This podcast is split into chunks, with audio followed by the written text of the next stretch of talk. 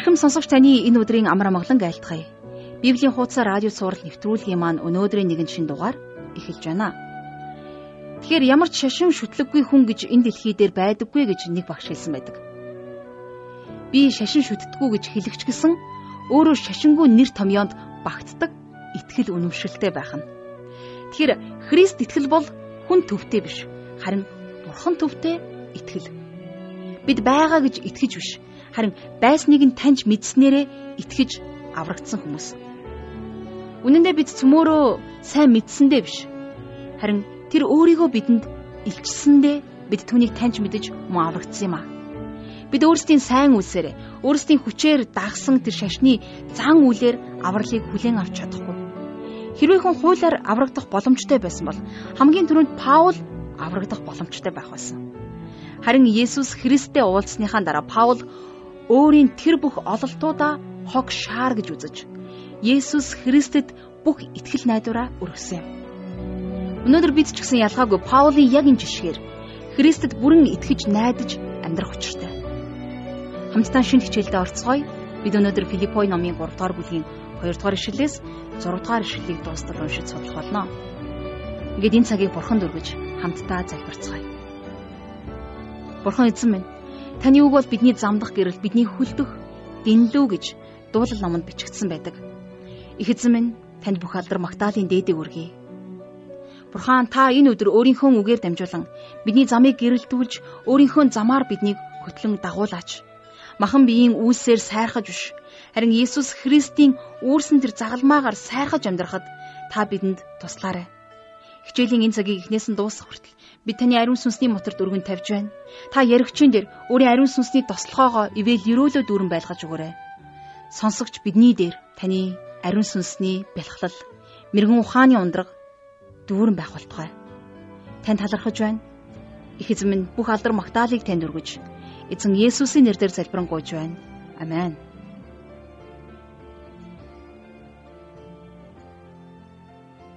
За өнгөрсөн хичээлээрээ бид хамтдаа Филиппо номын 3 дугаар бүлгийг дөнгөж эхлүүлээд өндөрлсөн байгаа тийм ээ.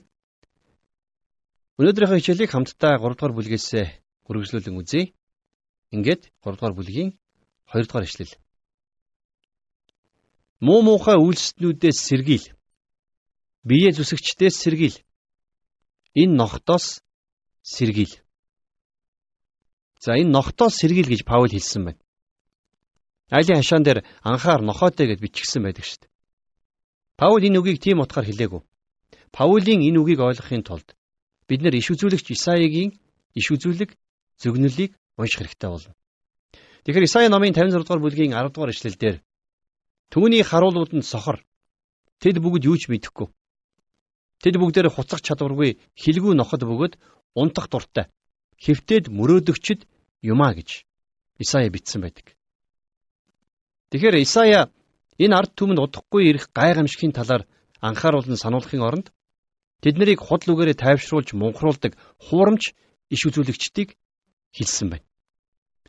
Хуурамч иш үзүүлэгчд ард түмнийг тайвшруулж тэд нарыг бурхан руу ирэхэд нь саад болсон байсан учраас хойд Израилийн хаан тус Ассир улсад эзлэгдэж цөллөгт явсан байдгийг.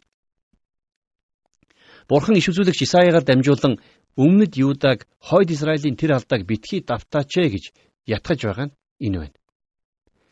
Хуурамч иш үзүүлэгчдийг Исая хилгүй ноход гэж нэрлсэн. Тэд нэр хэлэх ёстой үгсээ хэлдэггүй. Тэд нар нөхцөл байдлыг байгаагаар нь хэлдэггүй. Бурхны үгийг худал хуурамгаар дамжуулж байгаа бүхэн эдгээр нохоттой адилхан. Өнөөдөр манай нийгэмд ч гэсэн бас яг ийм аюул нүүрлээд байна уу да гэж би хувьдаа санаа зовдөг. Тохь тух амар тайван гэдэг өнөөдөр хүмүүсийн сонсох дуртай үг болсон байна. Та бид нар аль болох тогтой тухтай амьдрахыг хүсч, аль болох өөрийнхөө таавар байхыг хүсдэг болж. А тэгээд эргээд энэ байдал маань сүм чуулгануудад ч гэсэн нөлөөлсөр байна. Хүмүүс амар тайван тайвшрлын үгийг илүү сонсох дуртай болсон учраас тэднэрт тэр сонсохыг хүссэн үгсийг нь цуглааны эндэр дээрээ сонсгох нь л өөрөө маш аюултай үзэгдэл. Пастрын номлол таалагдахгүй байна гэд цуглаанаасаа явж байгаа итгэгчдийг би зөндөө харж байсан. Сонсхийг хүссэн үгсийг хэлэхгүй байгаа учраас тэр шүт. Бурхны үгийг үннээр дамжуулж байгаа хүмүүс хүний нүүр талыг хизээж харддаг. хэн нэгэн хүнд хандаж номлол хийдэггүй. Бурхны үгийг байгаагаар нь л дамжуулдаг. Энэ нь заримдаа хүмүүст таалагддаггүй маа. Хагалгаа хийлэхгүй болохгүй болчихсон өвчтөнд эмчин сэтгэлийг бодоод хагалгаа хийлгүй им өгөөд явуулж болохгүй зү. Хэдийгээр тэр үг өвчтөнд таалагдахгүй байж болох ч гэсэн хагалгаа хийх ёстой гэдгийг эмч хэлэх л ёстой болно. А эцсийн эцэд өвчтөн үнэн байдлыг үннээр нь хэлж эмчилж өгсөн эмчид насан туршдаа талархдаг шүү дээ. Тэгвэл та үннийг сонсохыг хүсэж байна уу? Иш үзүүлэгч Исаигийн үед маш олон хуурамч иш үзүүлэгчд байсан.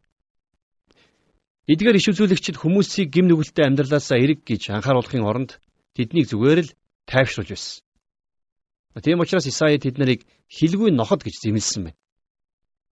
Харин эсвэргээр сайн хонч ноход яадаг вүлээ? Аюул ирж байгааг урдаас харж хил чимээ өгдөг шүү дээ. Хонь сүрэг рүү чон халдах юм бол ноход чанга буцаж хонждоо чимээ өгдөг. Боломжтой бол чоныг айлгаж хөөж явуулахыг хичээдэг. А гэтэл хуурамч иш үзүүлэгчид ямар ч анхааруулах чимээ өгөхгүйс. За тийм учраас өмнөд Юуда улс аажим аажмаар гим нүгэлдээ живж байсан.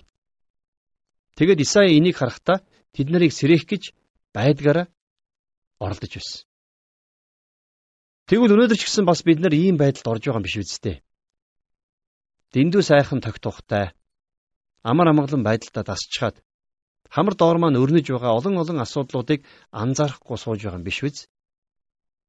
Зарим хүмүүс сайн хонч нохой шиг бидэнд чимээ өгч анхааруулах хэрэгтэй байгаа юм шиг надад санагдаж байна. За тэгвэл Паул ч гэсэн бас Филиппон итгэгчдэд хандаж ногтоос сэргийл гэж анхааруулсан байна. Биднийг тайвшруулж Бурхны үгийг биш бидний сонсохыг хүсэж байгаа тэр үгийг бидэнд хэлж толгойг маань илж байгаа хүмүүсээс бид нэр харин ч болгоомжлох хэрэгтэй. За Паул бас дээрэс нь муу муухай үйлснүүдээс сэргийл гэж хэлсэн байна. Паулийн итгэгчдийг хуурж мэхлэн тэд нарыг өөрсдийнхөө төлөө ашигладаг тийм ашигч хүмүүсийг хэлсэн байна. За дээрэс нь бие зүсэгчдээ сэргийл гэж Паул хэлэхдээ энэ дээр хөвч хүндүүлэгсэд буюу хоцлуулагчдын тухай хэлсэн байна. Паул тэднийг жинхэнэ хоцлуулагчд биш гэж үзэж байсан. Тэд нар бол зүгээр л хуулийг сахигчд. Христэд итгэгчдийг Мосегийн хуулийг сахиулахаар алавдаж, хуулийн үйлсээр авралыг авч болно гэж мунхруулж байсан хүмүүс шүү дээ. Ийм хүмүүсээс сэргийлээрэ гэж Паул сануулсан байна. За, үргэлжлүүлээд 3 дугаар ишлэгийг уншийе. Учир нь Бурхны сүнсээр мөргөж Христ Есүсээр сайрхан махбодод эс түшиглэх биднийх л жинхэнэ хоцлол юм шүү гэсэн байна. За биднийх л жинхэнэ хоцлол шүү гэж Паул хэлж байна тийм ээ. Энэ яг юу гэсэн утгатай вэ? Паул энийг Галат загтал дээр тодорхой тайлбарлсан байдаг. За Галатын 6-гийн 15-ыг харах юм бол Паул ингэж бичсэн байгаа. Учир нь хөвч хөндөх ба хөвч хөндүүлэхгүй аль аль нь юу ч биш харин шин бүтээл нь л чухал юм а гэж. Бидний зөвхөн махан биеинд үйлдэгдэх хоцлолыг бурхан харахгүй. Харин бидний зүрх сэтгэл дэх тэрхүү жинхэнэ хоцлолыг бурхан хардгаа гэж Паул итгэж байсан. Энэ бол жинхэнэ дахин төрөлт. Бурханд хандах цоо шин хандлага. Тэгэхээр жинхэнэ хоцлол гэдэг бол Христийн дотроос дахин төрөх явдал юм шүү дээ. Паулийн хэлэхдээ мах бодод эс түшиглэх гэж хэлсэн байгаа. Бид нар өөрсдийнхөө хуучин мөн чанарт махан биедээ түшиглэх ёсгүй болсон. Бид нар зөвхөн Есүс Христэд л итгэдэг. Бид өөр зүйлээс авралыг хайх хэрэггүй. Бид нар хуучин гимт мөн чанараараа Христэд итгэх итгэлийн амьдралаар амьдарч чадахгүй. Бид нар Христийн дотор байж гимэн сая итгэлийн амьдралаар жинхэнэ утгаар нь амьдарч чадна. Тэгэхээр тухайн үед ийм хуурамч багш нар Паулийн аяллаа замаар тэрнийг мушгиж дагаж явдаг байсан. Паулийг нэг газарт очимогц тэд араас нь ирж итгэгчдэд "За нөхдөө бидний анд Паул та нарт хуулийн үйлсэд найдаж болохгүй. Шашны элдв зан үйл тахил нь биднийг бурханд ойртуулахгүй гэж заасан байх. Тэр ингэж ярих нь аргагүй. Мань хүн биднийг бодвол евдээ шашны талаар ойлголтоор маруухан хүн. Тэр өөрөө ийм зүйлийг мэдэхгүй. Махбоддоо түшиглэх зүйл өөрт нь байхгүй болохоор ийм зүйлд найдаж болохгүй гэж ярих нь аргагүй шүү дээ. Гэхдээ энэ тал дээр тэр буруу ярьж байгаа юм а гэх мэт зүйлсийг ярьж итгэгчдийнх нь толгойг эргүүлдэг байсан. Харин ийм хүмүүст хандаж Паул дараах хариултыг өгсөн байдаг. Хамтдаа дөрөвдүгээр ишлэгийг харъя да. Гисэн ч би махбодод түшгэлж болох юм. Хин нэг нь махбодод түшиглэх гэдэг бол би бүрч илүү гэсэн байна. За тэгэхээр энд Паул хэлж байна тийм ээ. Хэрвээ альва хүн махбоддоо түшиглэж болох байсан бол би хамгийн илүү түшиглэх байсан шүү дээ гэж. Паул өөрийнхөө өнгөрсөн амьдралыг харахтаа тухайн үед шашинлаг амьдрал хичээл зүтгэлээр Паулаас илүү гарахаар хүн байгаагүй гэдгийг тэр сайн мэдэж байсан. Тийм ч учраас Паул би бүрч илүү гэж хэлж чадаж байна. Ингээд Паул нэгэн цагт өөрийнхөө итгэж үнэмшиж байсан тэр бүх шашинлаг давуу талуудыг дурддаг. Хэрвээ альва хүн шашнаар аврагдаж болох байсан бол хамгийн түрүүнд аврагдах хүн нь Паул байх байсан. За Паул ямар ямар давуу талууд байсан бэ? 5-аас 6 дугаар эшлэлдэр би 8 дахь хоногт хоцлуулсан Израиль үндэстнийх Биньямин овгийн еврейгээс төрсэн еврей хууль ёсны фарисей идэх зүтгэлээрээ бол чуулганыг хавчигч хууль дах зөвхт байдлаар бол өөс ивгүй байваа гэж бичсэн байна. Паул Есүс дээр ирэхээсээ өмнө өөрийнхөө сайрхаж байсан тэр бүх зүйлсийг энд жагсаан бичсэн байна. За харамсалтай нь өнөөдөр хүмүүс ч гэсэн ийм зүйлсээр сайрхсаар л байна. За Паул хамгийн түрүүнд би 8 дахь хоногт хоцлуулсан гэж хэлсэн байна тийм ээ. За энэ бол еврей хүний хувьд Мосегийн хуулийн дагуу дагаж мөрдөх ёстой хамгийн наад захын шаардлага байсан. За мэдээж 8 хоногтой байхдаа Паул өөрөө сүм рүү явж очиод хоцлуулаагүй нь лавтай. Тэгэхээр Паулийг эцэг их нь сүмд аваачсан гэсэн. За өөрөөр хэлэх юм бол Паул бурханлаг гэр бүлд бурханлаг эцэг эхийн дор хүмүүжсэн гэсэн санаа энд бас давхар гарч ирж байгаа. Тэд нэр хүүгээ Мосегийн хуулийн дагуу 8 хоногтой байхад нь хоцлуулсан байна. За эзэн Есүс ч гэсэн бас бурханлаг эцэг эхийн дор хүмүүжсэн шүү дээ. Түүнийг ч бас эцэг эх нь 8 хоногтой байхад нь сүмд аваачиж хоцлуулсан байдаг. Бурханлаг гэр бүлд өсч өндийсэн хүүхэд итгэгч биш гэр бүлд өсч өндийсэн хүүхэд хоёр баг зэрэг ялгаатай байдаг юм шигэ. Христэд итгэгч биш гэр бүл төрж өсөөд хожим нь Христэд итгэсэн олон итгэгчид Христэд итгэгч Бурханлаг эцэг эхийн дор өсөж хүмүүжсэн итгэгчтэй өөрсдийгөө харьцуулж голж байгааг би харж байсан. За би ийм анханасаа сайхан бурханлаг гэр бүл төрж өссөн бол ямар сайхан байх байсан бэ гэж хэлдэг итгэгчид зөндөө байдаг. Харин Паулд бол ийм сэтгэлийн шарах байгаагүй. Паул бүр нүүр бардам би 8 хоногтой байхдаа хоцлуулсан гэж хэлж байна. Өөрөөр хэлэх юм бол Паул бурханлаг эцэг ихтэй бурханлаг гэр бүлд төрж өссөн гэсэн үг. За хоёрдугаарт нь Паул өөрийгөө Израиль үндэстнийх гэж хэлсэн. Тэгэхээр тухайн үед Паулийг гадуурхаж гоочлж байсан олон евдэн шашинтнууд дандаа ирлиз хурлиз хүмүүс байсан. Харин Паул бол тийм байгаагүй. Тэр жинхэнэ цэвэр цусны Израиль хүн байж. Тэрний ургийн бичиг маш тодорхой бүхнийг хилээд өгч чадах байсан. Тэр бол ямар ч холцгүй жинхэнэ еврей хүн байсан. 3 дугаарт Паул өөрийгөө Биньямин овгийн гэж хэлсэн байгаа биз? За тэгэхээр энэ бол нэг талаараа би хамгийн шилдэг гэр бүлээс гаралтай гэж хэлж байгаатай адилхан юм. За Биньямин бол Яаковын хамгийн хайртай хүү байсныг та санаж байгаа байх. Рахел Биньяминийг төрүүлээд төрхийн хүндрэлээс болж өөд болохдоо тэрэнд миний гуниг зовлонгийн хүү гэсэн нэрийг өгсөн байсан. Харин Яаков энэ нэрийг нь өөрчлөөд Биньямин буюу миний баруун гарын хүү гэсэн нэрээр сольсон байдаг. Рахел бол Яаковын амьдралын гэрэл гэгэн байсан. Тэм учраас бяцхан Биньяминийг харахтаа Яаков Рахела дурсан сандаг байсан. Биньямин Яаковын баруун гарын хүү нь бас яг таягмит эцгийгээ түшиж явах хүүн болсон гэсэн. За цаашлалт харах юм бол Израилийн хамгийн анхны хаан Саул ч гэсэн бас Биньямин овгоос гаралтай хүн байсан. За магадгүй Паулийн эцэг их нь анх тэрэнд Саул гэж нэр өгөхдөө өөрсдийн удмаас гарсан Саул хааны нэрийг өгсөн байж ч болох юм. Тийм ч учраас Паул өөрийгөө би Биньямин овгийн хүн гэж нүүр бардам хэлж чадсан байна. Паулийн хувьд Биньямин овгийн хүн хэмээн нэрлэгдэх нь үнэхээр том ач холбогдлыг авчирч болох байсан. За дөрөвдүгээрт Паул өөрийгөө еврейгээс төрсэн еврей гэсэн байна, тийм ээ. Тэгэхээр Паул ингэж хэлэхдээ өөрийгөө бусад еврейчүүдийгээ тэргүүлэн манлайлагч гэсэн утгаар хэлсэн.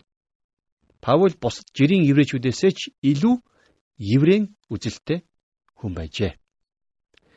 За 5 дугаарт Паул өөрийгөө би бол хууль ёсны фарисей байсан гэж хэлсэн тийм ээ.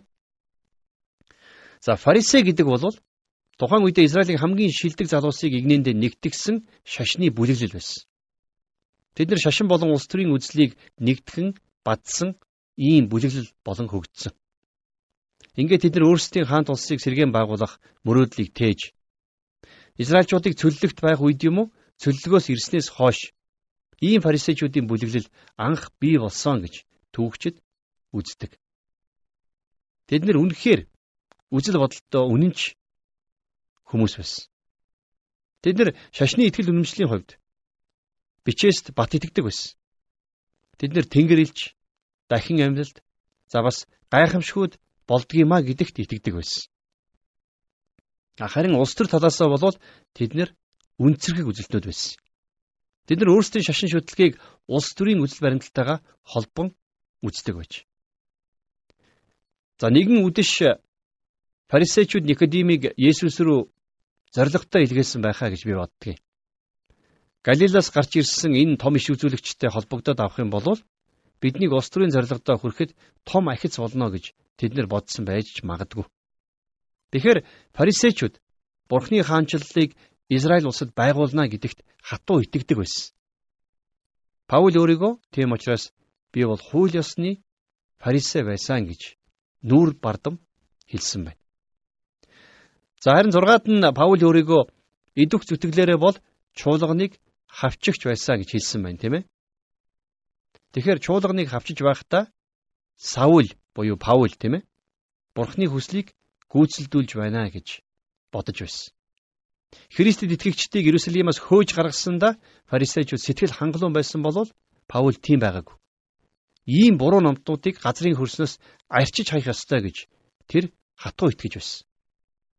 За тийм ч учраас Паул Иерусалимд суулгүй Дамаск руу явсан.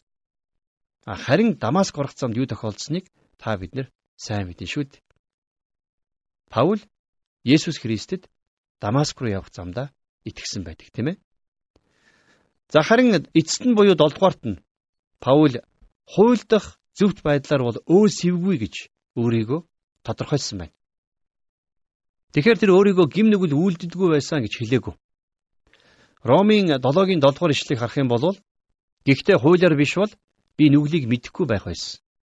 Учир нь хэрэг хууль бүү шунхаар гэж хэлээгүү байсан бол би шунхаарлыг мэдэхгүй байх байсан гэж Паул бичсэн байдаг.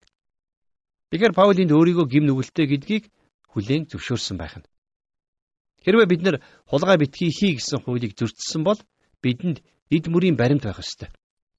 Энийний нэгэн адилаар бид нар хүний амь өгүүлтгсэн болвол бас л бидний хурууны хээж юм уу ямарваа нэгэн уул мөр баримтаар бид гинт хэрэг үйлдэлсэн батлагдах ёстой. За завхаарч гэсэн адилхан. Би завхаарсан бол тэр нь гэрчээр батлагдах ёстой тийм ээ. Гэтэл бидний дотор төрж байгаа шунхаарлыг хинч харах боломжгүй шүү дээ.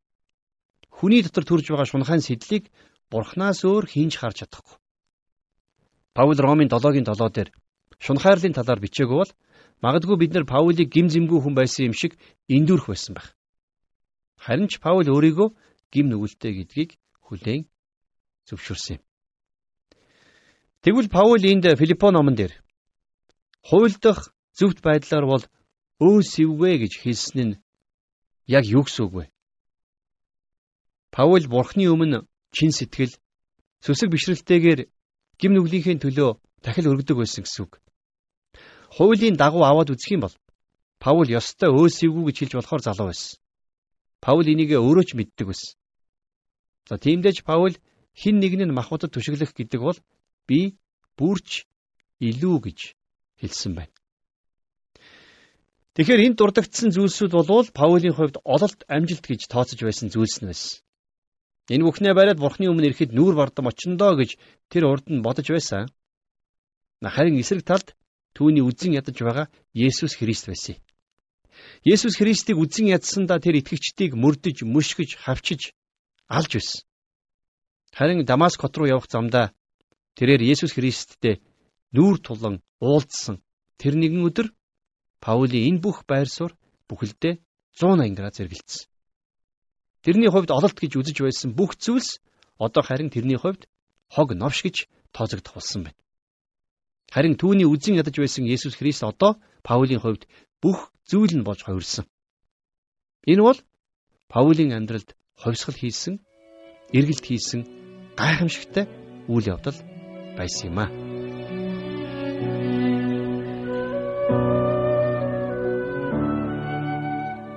Тэгэхээр зарим хүмүүс Паулыг өөрөөр амьдрах боломжгүй хүн байсан гэж үзэл бодлоо бичиж үлдээсэн байдаг.